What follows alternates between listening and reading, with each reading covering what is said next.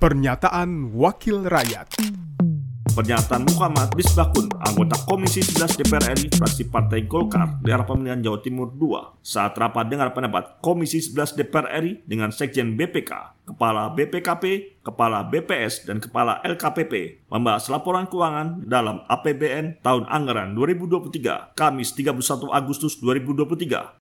Harapan kita semua di Komisi 11 ini, Bapak-Bapak justru harus menjadi contoh. Harus menjadi contoh mengenai bagaimana sistem itu dibangun karena bapak-bapak adalah tugasnya membangun sistem pengawasan dan pemeriksaan di Republik ini. LKPP ini kan diharapkan membangun transparansi yang selama ini menjadi titik paling lemah kita dalam pengadaan barang dan jasa.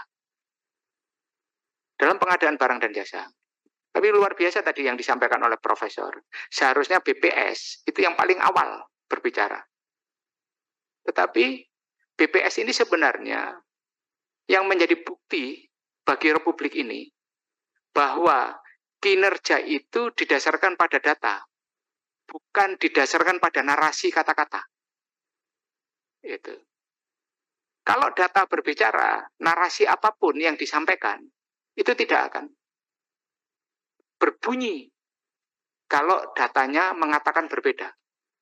Karena di Republik ini ada dua cara kita untuk membangun citra. Berdasarkan narasi atau berdasarkan data. Nah, tinggal masyarakat yang menilai. Pernyataan Muhammad Misbakun, anggota Komisi 11 DPR RI, fraksi Partai Golkar, daerah pemilihan Jawa Timur II, produksi TV dan radio Parmen, Biro Pemberitaan Parmen, Sekjen DPR RI. Pernyataan Wakil Rakyat